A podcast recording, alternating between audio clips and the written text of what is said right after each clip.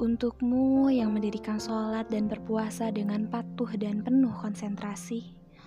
Untukmu yang memakai hijab karena rasa malu dan untuk menjaga kehormatan serta keteguhan hati. Untukmu yang selalu belajar dan menelaah dengan penuh kesadaran dan kelurusan hati, yang selalu menepati janji, dipercaya dan jujur, selalu bersabar, mawas diri dan bertaubat, selalu berzikir, bersyukur dan berdoa, Untukmu yang menjadikan Asiyah, Maryam, Khadijah sebagai panutan, untukmu yang selalu menjaga nilai-nilai dan memelihara suri tauladan, dan untukmu yang selalu takut dan menjauhi apa-apa yang diharamkan oleh Allah Subhanahu wa Ta'ala. Assalamualaikum warahmatullahi wabarakatuh. Hamdan wa syukurillah amma ba'du. Hmm, sebelumnya bagaimana nih kabarnya teman-teman semua? Sehat? Mudah-mudahan teman-teman semua selalu diberikan kesehatan dan umur yang panjang, kelancaran rizki yang halal, serta ketetapan iman Islam dan kemudahan untuk senantiasa beribadah kepada Allah Subhanahu wa taala. Amin ya Allah ya rabbal alamin uh, puji syukur sebelumnya mari kita panjatkan kehadirat Allah yang Maha Ghafur yang karena atas berkat dan rahmatnya kita semua bisa berkumpul ya di kajian malam ini.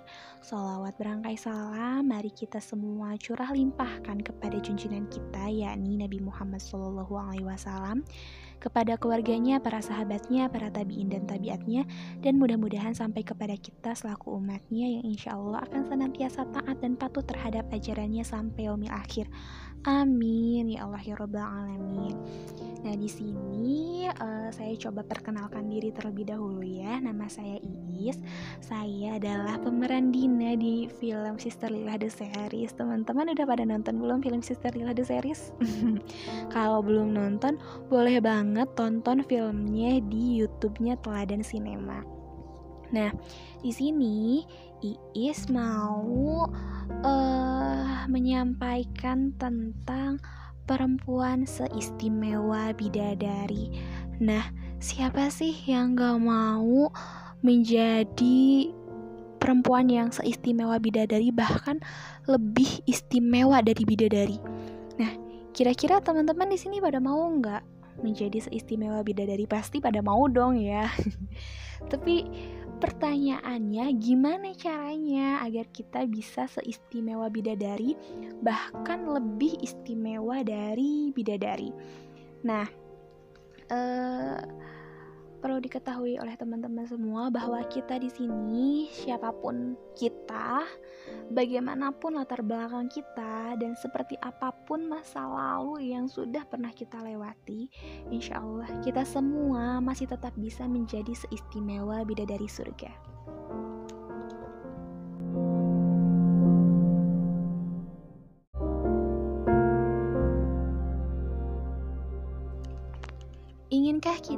Sebagai seorang muslimah bisa seperti bidadari surga, bahkan melampaui dalam kecantikan dan kemuliaan derajatnya? Inginkah kita nih sebagai seorang muslimah bisa memasuki surga dari pintu mana saja yang kita kehendaki? Pasti mau banget dong ya, siapa juga yang gak mau? nah, terus pertanyaannya, gimana caranya gitu. Gimana caranya agar kita bisa seistimewa bidadari surga bahkan lebih istimewa daripada bidadari surga. Nih perlu teman-teman ketahui nih ya kalau bidadari itu adalah makhluk dengan keindahan yang super super menakjubkan. Matanya itu cemerlang bagaikan permata makanya suka disebut bidadari bermata jeli gitu ya kalau di Al-Quran kemudian kecantikannya itu pokoknya nggak ada tandingannya lah di dunia ini. Kalau di sini ya di dunia ini tuh ada perempuan yang paling cantik itu tuh kecantikannya tuh nggak ada apa-apanya ketimbang bidadari surga gitu. Terus juga mereka itu suci tidak pernah tersentuh sama sekali nggak pernah berbuat dosa nggak pernah marah-marah. Nah terus juga mereka selamanya tuh perawan Kira-kira siapa gitu yang lebih utama, kita atau para bidadari surga? Sedangkan ya, uh, kita mah ya fisik, penampilan ya segini adanya gitu ya. Cantik juga hasil kerja keras, rajin skincarean. terus pinter make upan terus juga ya pokoknya perawatan lah ya uh, terus juga sifat ya apalagi perempuan lagi PMS mah mudi banget kan naik turun fluktuatif. Mudah sebel mudah kesel gitu. Sama teman sama tetangga terus kalau yang udah nikah sama suami ih bete banget ya rasanya tuh uh, sebel gitu. Nah dengan segala perbedaan yang sangat jauh itu, apakah kita bisa seistimewa bidadari surga, bahkan melampaui bidadari surga? Nah, pertanyaan ini pernah ditanyakan oleh Ummu Salamah kepada Rasulullah Shallallahu Alaihi Wasallam. Jadi Ummu Salamah tuh bertanya kepada Rasulullah, ya Rasulullah, manakah yang lebih mulia, perempuan dunia ataukah bidadari bermata jeli? Rasulullah Shallallahu Alaihi Wasallam menjawab, perempuan dunia lebih utama daripada bidadari-bidadari bermata jeli, seperti kelebihan yang tampak dari yang tidak tampak. Nah, maksudnya kayak gimana kan ya?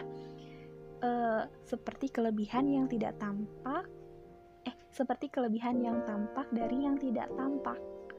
Nah, mungkin uh, bidadari kan tadi ya kelebihannya itu wah cantiknya bukan kepayang kita mah sudah pasti kalah lah gitu terus sifatnya yang lemah lembut kita mah ya fluktuatif gitu kan kemudian apalagi pas PMS datang bulan ya masya Allah lah kita mah ya terus juga uh, mereka mah nggak pernah tersentuh gitu sama lawan jenis, suci. Kita mah sering banget ngegibahin orang, astagfirullahalazim. Terus maksudnya gimana ini? Lebih utama dari bidadari bermata jeli itu seperti apa? Nah, Ummu Salamah bertanya kepada Rasulullah, karena hal apa perempuan dunia bisa lebih utama daripada bidadari surga? Rasulullah Shallallahu Alaihi Wasallam menjawab, karena sholatnya, puasa, dan ibadah mereka kepada Allah. Kemudian Allah meletakkan cahaya pada wajah mereka, yaitu ya kita ya para calon bidadari surga. Tubuh mereka adalah kain sutra, kulit mereka putih bersih, pakaian mereka berwarna hijau, perhiasan mereka kekuning-kuningan, sanggul mereka adalah mutiara dan sisir mereka terbuat dari emas. Kemudian para perempuan dunia yang menghuni surga berkata, kami hidup abadi dan tidak mati. Kami lemah lembut dan tidak jahat sama sekali. Kami selalu mendampingi dan tidak beranjak sama sekali. Kami ridho dan tidak pernah bersungut-sungut. Berbahagialah orang yang memiliki kami dan kami memilikinya. Nah, itu jawaban Rasulullah. Ternyata kita bisa lebih utama daripada bidadari surga itu karena sholat yang kita laksanakan, puasa dan ibadah-ibadah kita kepada Allah Subhanahu wa taala. Yang hingga akhirnya Allah itu e, memberikan imbalan kepada kita tuh bukan main-main. Kita dimasukin ke surga, terus wajah kita itu dikasih cahaya. Kemudian jadi gak perlu pakai skincare biar glowing gitu ya nggak usah. Itu udah sama auto dikasih glowing yang abadi gitu ya pakai cahaya. Tubuh kita juga adalah terbuat dari kain sutra. Jadi tubuh kita tuh lembut banget gitu. Terus kulit kita putih bersih pakaian kita warnanya hijau pakai perhiasan yang warna kuning kuning terus pakai sanggul mutiara. Ah pokoknya mantap lah ya, ya. Yang diberikan oleh Allah kepada kita gitu ya insya Allah kelak di surga nanti. Terus kita juga selalu berkata kalau kita itu akan hidup abadi dan tidak mati. Lemah lembut dan kita tuh tidak jahat sama sekali. Kita selalu mendampingi dan tidak beranjak sama sekali. Kita ridho dan tidak pernah bersungut-sungut tidak pernah bersungut-sungut tuh kalau kata orang Sunda mah uh, kuku lutus gitu ya. Nah beda dari surga mah gak kayak gitu ya. Berbahagialah orang yang memiliki kami dan kami memilikinya. Nah mau nggak kita termasuk perempuan yang mengatakan hal seperti itu gitu nanti kelak di surga? Mau dong ya. Nah dalam sebuah riwayat juga ada hmm, hadis yang mengatakan kalau seorang perempuan jika dia telah mengerjakan sholat fardu lima waktu, berpuasa pada bulan Ramadan, menjaga kehormatan dan taat kepada suami, maka akan dikatakan kepadanya, masuklah ke dalam surga dari pintu mana saja yang kamu kehendaki. Jadi nih, syarat biar kita sebagai orang perempuan bisa masuk surga itu cuma empat. Pertama, mengerjakan sholat fardu lima waktu. Itu mah udah kewajiban kan ya. Terus yang kedua, berpuasa pada bulan Ramadan. Itu juga udah kewajiban. Kecuali kalau misalkan ada uzur atau lagi PMS atau apa, itu kan memang pengecualian. Tapi kan kita masih bisa menggantinya di bulan yang lain. Intinya, puasa di bulan Ramadan itu kita penuhi. Terus menjaga kehormatan dan taat kepada suami. Nah, ini akan dikatakan kepada kita, masuklah ke dalam surga dari pintu mana saja ya kita kehendaki yang kita mau, Masya Allah. Terus kalau misalkan yang belum punya suami kayak gimana? Taatnya sama orang tua ya dek ya. Jadi karena kita adalah masih tanggung jawab orang tua, kalau belum menikah mah ya tanggung jawab orang tua maka harus banget nurut sama orang tua nggak boleh tuh ngelawan sama sekali sama orang tua tuh nggak boleh. Harus sayang sama orang tua harus nurut patuh pada perintah orang tua. Nggak boleh berkata kasar berkata lebih keras dari orang tua nggak boleh. Kayak gitu tidak boleh menyakiti. Nah kalau misalkan udah menikah alhamdulillah ya udah punya suami itu tanggung jawabnya e, beralih dari orang tua kepada suami sehingga kita sebagai seorang istri harus taat kepada suami.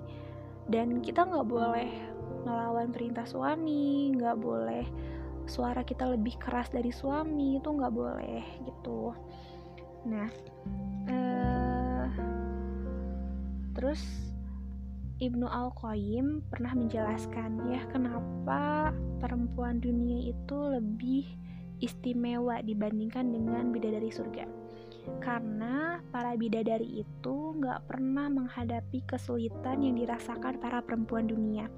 Mereka tuh nggak pernah ngerasain pedih dalam berjuang di jalan Allah, gak pernah merasakan sulit beribadah dan menjauhi maksiat, gak pernah dicemooh karena berjilbab gitu ya disebut mirip ibu-ibu atau ninja, gak pernah merasakan kesulitan untuk patuh terhadap suami, gak pernah nahan rasa jengkel, kesel, marah pengen ngedumel ke suami atau ke tetangga atau ke teman gitu ya bidadari surga tuh nggak pernah merasakan hal itu dan mereka juga nggak pernah merasakan krisis dompet tinggal 5000 beras habis, beras habis, gas habis, semuanya habis. Pokoknya mah ya kebingungannya kayak gitu. Bidadari surga tuh nggak pernah merasakannya. nah kalau kita makan perjuangan hidup pasti pernah ya merasakan rasanya perih, dicemooh, difitnah, diinjak-injak orang, kemudian di uh, segala rupa lah ya sama orang lain. Bidadari surga tuh nggak pernah merasakan hal itu. Nah, karena hal itulah kita bisa lebih mulia. Ibaratnya kita itu mengalami ujian, sedangkan bidadari surga tuh enggak gitu. Dan pokoknya kalau misalkan apa pun ujian yang menimpa diri kita, kita harus sabar dan ikhlas menjalaninya. Karena pahala itu tergantung kadar lelahnya. Semakin berat dan lelah, makin besar pahala yang didapat. Jadi, harus tetap semangat. Apa pun yang terjadi, kita harus yakin bahwa semuanya adalah kebaikan, takdir yang Allah tetapkan untuk kita pasti adalah yang terbaik untuk kita. Tinggal kita sabar dan mm, mencoba untuk menelusuri kira-kira hikmah apa yang akan Allah berikan kepada kita.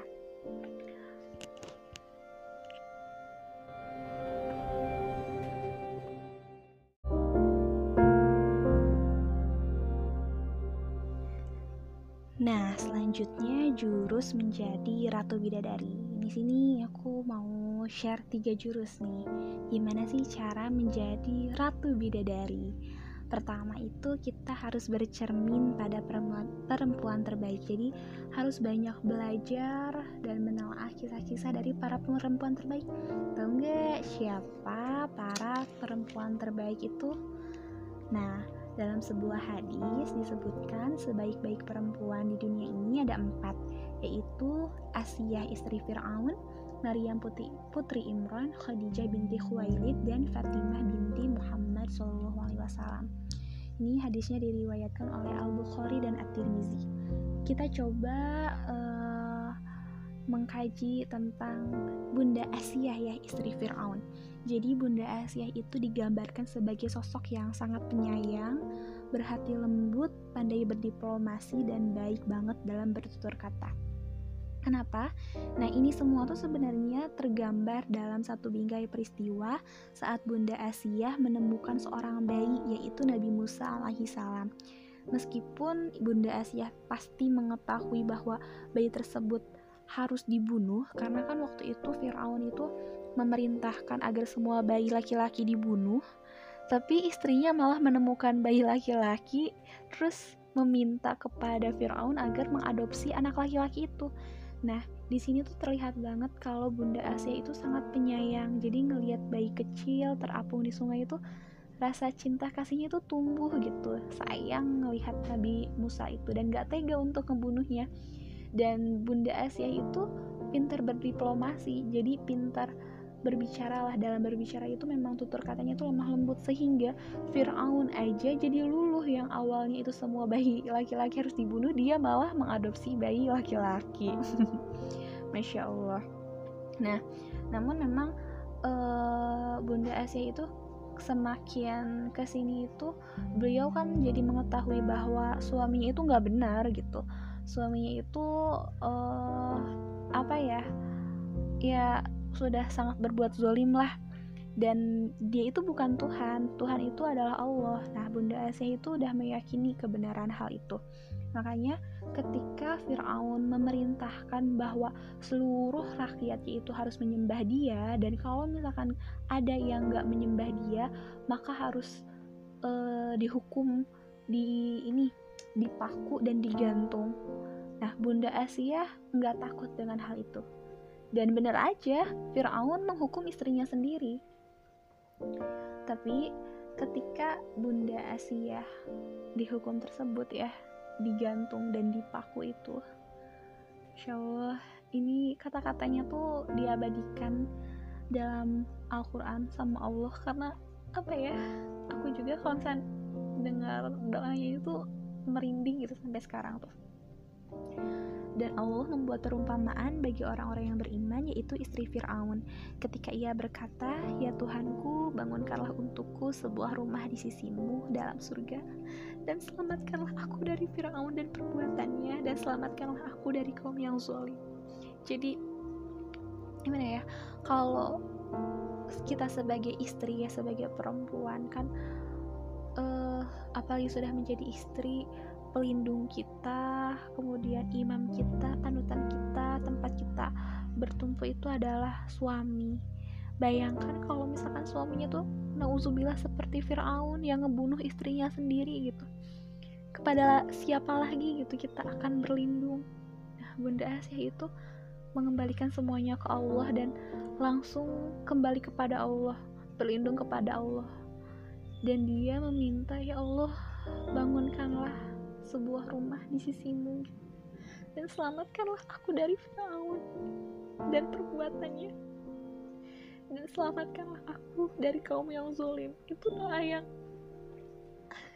menurut aku tuh bener-bener sangat indah sekali gitu.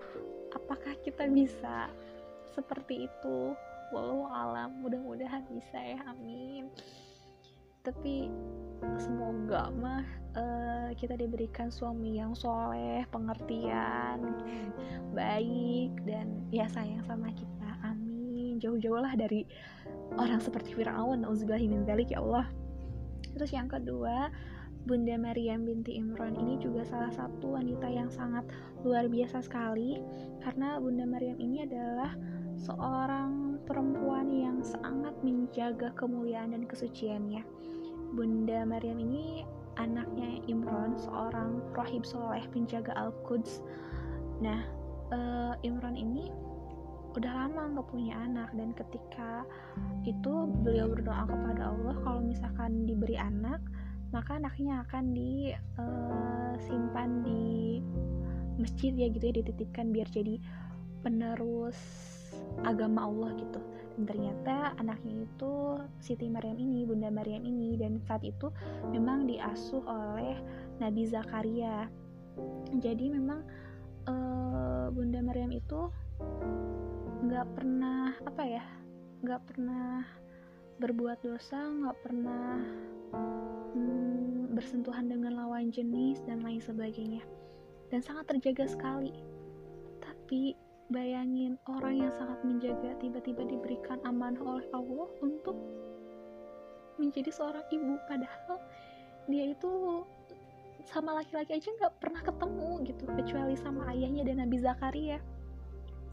Ini benar-benar ujian yang sangat sangat sangat berat.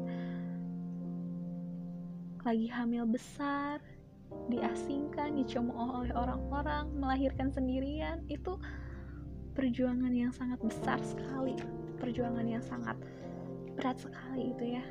Kita mah boro-boro. Apa mungkin kayak udah kayak pengen nangis aja ya.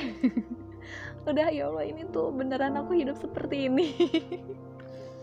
Kayak gitu terus pasti kayak ngerasa kesel banget kan. Ngidam pengen makan ini aja nggak dibeliin sama suami kan rasanya dongkol banget gitu kalau Siti Maryam tuh Bunda Maryam benar-benar menjalani kehidupannya tuh dengan ikhlas dengan tabah dengan ya, berpasrah kepada Allah sehingga Allah mengangkat derajatnya dan dijadikan sebagai salah seorang wanita mulia di dunia ini. Terus yang selanjutnya adalah Bunda Khadijah binti Khuwailid. Nah, memang Bunda Khadijah itu terlahir di tengah keluarga yang kaya raya. Tapi harta yang berlimpah itu tidak pernah menutup matanya dari kebenaran. Dari dulu, Bunda Khadijah itu dikenal sebagai Al-Tukhirah atau pribadi yang suci Beliau juga sangat santun, lembut, serta dermawan.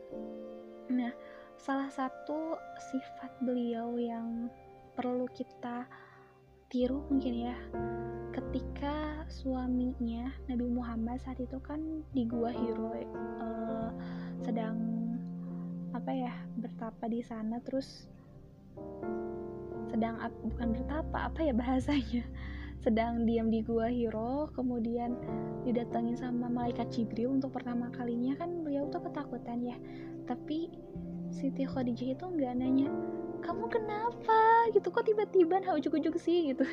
Nggak kayak gitu tapi Siti Khadijah itu paham ketika melihat suaminya seperti itu tuh diselimutin ditenangin.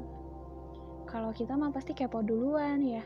Temen lagi nangis nih di kelas nih yang belum nikah temen lagi nangis di kelas. Kamu teh naon sih? Teh naon? Gitu kan pasti nanya kayak gitu. Dia tuh kenapa sih? Gitu. Kok tiba-tiba ada apa? Dan lain sebagainya. Nah kalau bunda Khadijah tuh nggak pernah bertanya kenapa. Pasti ditang dia tenangin terlebih dahulu. Ketika udah tenang Nabi Muhammad menceritakan bahwa beliau melihat bla bla bla akhirnya sama Siti Khadijah ditenangin lagi dengan kata-kata yang sangat lembut seperti itu. Dan Bunda Khadijah itu selalu menolong uh, Rasulullah membantu Rasulullah dengan segenap kemampuannya. Nah yang saya ingat itu ketika Bunda Khadijah akan meninggal dunia. Beliau kan uh, udah kehabisan hartanya ya. Tapi beliau itu menangis itu bukan karena hartanya yang udah habis. Tapi karena dia merasa dia nggak bisa lagi menolong dengan apa pun beliau pernah berkata seperti ini ya Bunda Khadijah ya Rasulullah andai dalam dakwahmu kamu membutuhkan jembatan dan kamu tak mendapati apa pun, andai saat itu aku telah tiada, galilah kuburku, jadikan tulang belulangku sebagai jembatan untuk dakwahmu, karena tak ada lagi yang bisa aku berikan untuk membantu dakwahmu. Sampai segitunya gitu. Bunda Khadijah itu memberikan semuanya kepada Rasulullah. Hartanya, cintanya, waktunya, dan semuanya. Bahkan ketika beliau nggak punya apa pun ketika dalam sakit keras beliau akan menjemput kematian. Beliau masih memikirkan bagaimana cara membantu suaminya. Sampai inisiatif kalau nanti butuh jembatan nggak ada kayu gak ada apa-apa gali aja kuburanku jadikan tulang belulangku sebagai jembatan. Itu masya Allah sekali gitu pengorbanannya dan patut kita tiru gitu dalam menjalani kehidupan ini tuh harus saling membantu membantu suami khususnya untuk yang udah berkeluarga. Kalau yang belum menikah bantuin orang tuanya adiknya kakaknya ya. Selanjutnya uh, Fatimah binti Muhammad SAW ini juga menjadi salah seorang perempuan yang sangat luar biasa sekali gitu perannya dalam Islam. Nah Fatimah ini meskipun beliau itu adalah seorang putri dari pemimpin umat tapi nggak manja. Beliau itu menjalani kehidupannya itu dengan sukarela, sabar, tabah, dan tetap berbudi mulia. Beliau tuh nggak punya pembantu, sering banget menggiling gandum untuk membuat tepung dengan tangannya sendiri. Sampai tangannya itu pegel berdarah. Masya Allah pokoknya sangat sabar sekali. Dan kita itu hmm, harus bisa menjadikan mereka itu sebagai cermin bagi hidup kita dalam keadaan apa pun. Mudah-mudahan kita dimudahin ya untuk bisa meneladani setiap sikap dan perjuangan yang telah hmm, beliau contohkan kepada kita semua. Terus yang kedua, jurus untuk menjadi bidadari surga ialah secara kontinu meningkatkan keimanan. Karena keimanan itu kalau menurut aku tuh udah bukan kewajiban lagi gitu meningkatkan keimanan tuh, tapi adalah sebuah kebutuhan dengan kita meningkatkan keimanan kan berarti kita menambah tabungan pahala kita untuk memasuki surga. Jadi ya memang harus selalu ditingkatkan. Mulai aja dari hal-hal yang bisa kita lakukan. Memperbaiki diri misalkan mulai berhijab memulai puasa sunnah atau yang wajib-wajibnya dulu aja deh. Berhijab sholat lima waktu berpuasa di bulan Ramadan yang wajib-wajibnya dulu. Setelah yang wajib-wajibnya kita istiqomahkan baru merambah ke yang sunnah. Jadi sedikit-sedikit aja dulu tapi secara kontinu harus terus uh, dilakukan dan harus terus ditingkatkan gitu. Karena kan uh, kalau masuk ke surga mah ya itu tanggungan kita sendiri. Ibaratnya tuh kan kalau kita pengen beli sesuatu nih pengen beli skincare beli mobil atau beli apa pun kan kita harus nabung gitu baru bisa kebeli kalau misalkan nggak nabung dan nggak kebeli sama sendiri juga kan kalau masalah dunia mah masih bisa minta ke yang lain masih bisa dibeliin minta dibeliin ke suami, ke orang tua. Tapi kalau masalah tiket ke surga itu nggak bisa gitu. Bahkan dalam Quran surat Abasa itu dikatakan bahwa kalau di akhirat itu manusia itu lari dari saudaranya, lari dari ibu dan bapaknya, lari dari istri dan anak-anaknya. Dan pokoknya tuh mereka tuh setiap orang pada hari itu mempunyai urusan yang menyibukkan diri kita masing-masing. Jadi tiket masuk surga itu gak bisa tuh kita nitip dibeliin sama orang tua, sama saudara, gak bisa harus kita sendiri yang berusaha untuk mengumpulkan pahala agar bisa membeli tiket surga gitu. Itu yang kedua. Terus yang ketiga kita juga harus merawat badan kita gitu merawat diri kita. Jangan sampai kita hanya fokus pada ibadah saja tetapi melupakan uh, jasad kita gitu jangan melupakan diri kita sendiri. Karena diri kita juga adalah titipan dari Allah kita harus membahagiakan diri kita sendiri. Dari mulai merawat badan nih jangan sampai kita tuh cuek gitu. Harus menjaga kebersihan keindahan. Pakai make up boleh pakai skincare boleh asal tidak berlebihan. Uh, terus juga ya intinya kita harus bisa menjaga diri kita pakai parfum boleh tapi jangan terlalu menyengat gitu.